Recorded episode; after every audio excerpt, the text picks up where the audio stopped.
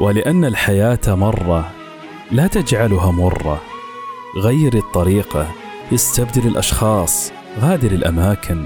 اهرب من الأقنعة. أفلت القلوب المتقلبة.